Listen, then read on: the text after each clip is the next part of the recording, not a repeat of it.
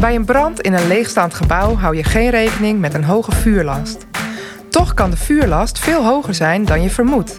Hoe dat precies zit, dat hoor je in deze nieuwe aflevering van de Brandkast.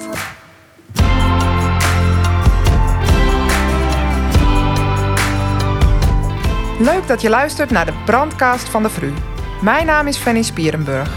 Elke aflevering bespreek ik samen met een collega van Team Brandonderzoek één incident en de lessen die we daaruit kunnen leren.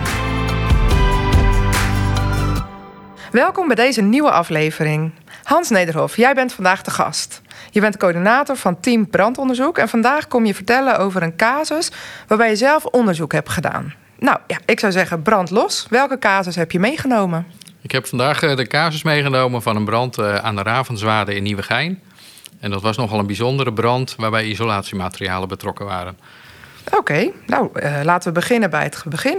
Wat was uh, de melding? Uh, de melding was al een flinke uitslaande brand op een oud industrieterrein in Nieuwegein. bij aankomst van de eerste tankautospuiten sloegen de vlammen al uit het dak. En is er snel opgeschaald naar zeer grote brand.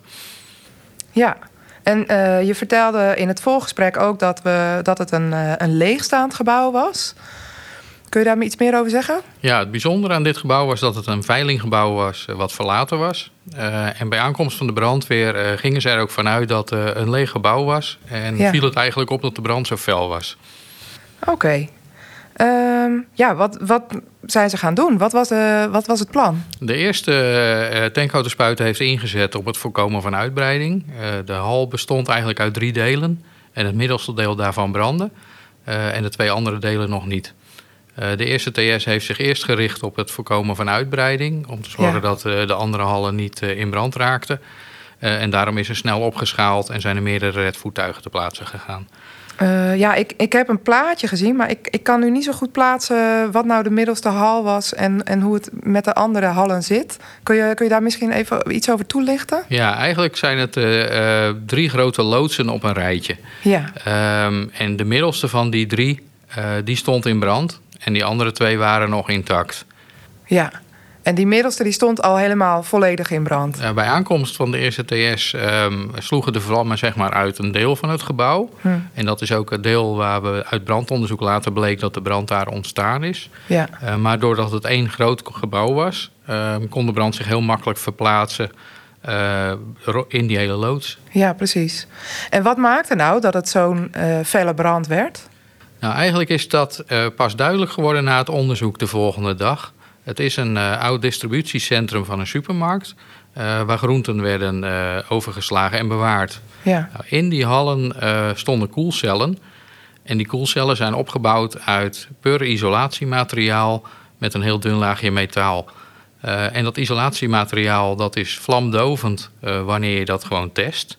Maar wanneer zoiets bij een brand betrokken raakt, is de energie van zo'n brand zo groot dat dat spul ontleedt en alsnog mee gaat branden.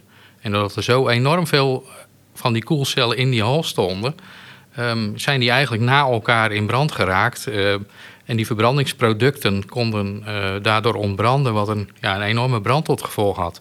Ja. ja, dus eigenlijk was het helemaal niet een leegstaand gebouw. Nee, dat is eigenlijk het beeld uh, wat ons zo opviel. Het was geen leeg gebouw. Het gebouw stond vol, maar niet met inventaris of met goederen. Maar eigenlijk met gebouwdelen die brandbaar waren. Ja, precies. Uh, en dat was eigenlijk het bijzondere uh, van dit incident. Maar daar hebben we er natuurlijk ook veel meer van in de regio. Ja, want meer in het algemeen. Welke risico's vormen die gebouwdelen of die in dit geval dan isolatiematerialen? Nou, die isolatiematerialen bestaan eigenlijk uit een uh, uit aardolie uh, gemaakt product. Uh, die zijn brandbaar en wanneer ze in een gebouw zitten en bij een brand betrokken raken, ontstaat er eigenlijk een brandbare gasvorming. En die gasvorming is eigenlijk heel erg belangrijk om in de gaten te houden bij een repressieve inzet, omdat dat gas kan ontbranden en daardoor een rookgasontbranding zou kunnen plaatsvinden waardoor een brand enorm snel uitbreidt en, en de mensen die eventueel binnen uh, bezig zijn uh, zouden kunnen verrassen. Goeie algemene tip inderdaad. Maar even terug naar die, dat inzetplan.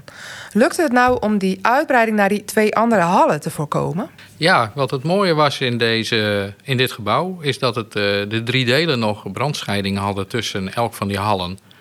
dus de brandweer kon zich richten op die stoplijn...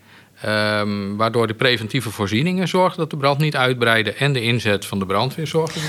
Want die scheidingen, dat, ehm, nou ja, op die foto die ik heb gezien lijkt het alsof dat ook echt straatjes zijn of stegen. Is, is, was dat ja, ook zo? bij een van de twee uh, scheidingen was er een afstand tussen de twee gebouwen. En de andere stonden strak tegen elkaar aan. Maar daar zaten hele goede branddeuren. Um, die eigenlijk door toeval goed gesloten waren en nog steeds werkten, waardoor die brand werd tegengehouden. Want heeft de brandweer daar ook echt nog uh, iets aan toegevoegd? Hebben we daarop ingezet? Ja, de brandweer heeft wel gekoeld aan die, uh, aan die deuren. Aan de uh, binnenzijde? Aan de, de kanten waar niet de brand was. Ja, oh, oké.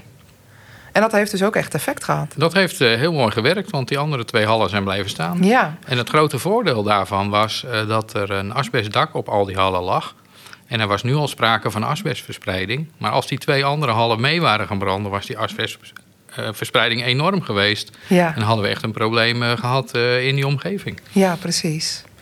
En uh, nog even naar die andere hal, want daar zat een soort van steeg tussen. Hoe, hebben ze daar, hoe is daar de inzet dan gepleegd? Ja, er zijn waterkanonnen uh, vanaf redvoertuigen en vanaf straten ingezet, waardoor zeg maar, die brand werd tegengehouden. Um, en dat is goed geslaagd. Ze konden daar goed bij komen. Ja. En hadden ze nog, hebben ze ook echt de brand lopen blussen? Uh, er is wel ingezet om uh, de brand in die hal te bestrijden, maar dat ging heel lastig. En eigenlijk um, had de blussing vooral het effect om, om de brand te temperen. maar op een gegeven moment was de brandstof op. Dat isolatiemateriaal was gewoon weggebrand. Ja. waardoor ook die brand eigenlijk vanzelf uitging. Jeetje, mooi verhaal. Ehm, ja, welke lessen kunnen we hieruit leren? Nou, het, een van de lessen die we uit kunnen leren is: ga ervan uit als er een leeg gebouw in je gemeente staat en er ontstaat brand, dat dat niet altijd een leeg gebouw is, maar dat misschien de, de huurder of de eigenaar vertrokken is, maar er allerlei brandbare goederen of brandbare constructiemateriaal in zo'n gebouw kunnen zitten. Dus ook voor uh, oefeningen of uh, je gebiedskennis is het wel belangrijk van wat zit er nou in jouw gebied en wat kan ik verwachten bij een brand in zo'n gebouw. Ja. Wat we hier ook van kunnen leren is dat preventieve voorzieningen um, eigenlijk altijd onderhouden worden wanneer een gebouw gebruikt wordt. En daar doen we als uh, VRU ook toezicht op. Ja. Maar wanneer zo'n gebouw leeg staat, komt er niemand meer. Nou, dit toont toch wel aan dat het onderhouden van dat soort preventieve voorzieningen als die branddeuren uh, eigenlijk heel belangrijk zijn om branduitbreiding te voorkomen. Als brandweer kunnen we ook dus echt gebruik maken van die preventieve voorzieningen. Ja. Om daar die stoplijn echt Ja, te... en het is enorm belangrijk dat we natuurlijk weten dat ze er zitten. Uh, Ja. en, en dat wij gebruik maken van die voorzieningen, dat, dat maakt voor het inzetplan een groot verschil. Ja, precies. Nou, dankjewel Hans. Mooi verhaal, daar kunnen we weer wat mee. In deze aflevering hebben we de casus besproken van de brand in een leegstaand industriepand. Het pand was misschien niet meer in gebruik, maar stond toch nog vol met allerlei materialen die leiden tot een hoge vuurlast. Dat is iets om rekening mee te houden. Dank voor het luisteren en tot de volgende brandcast.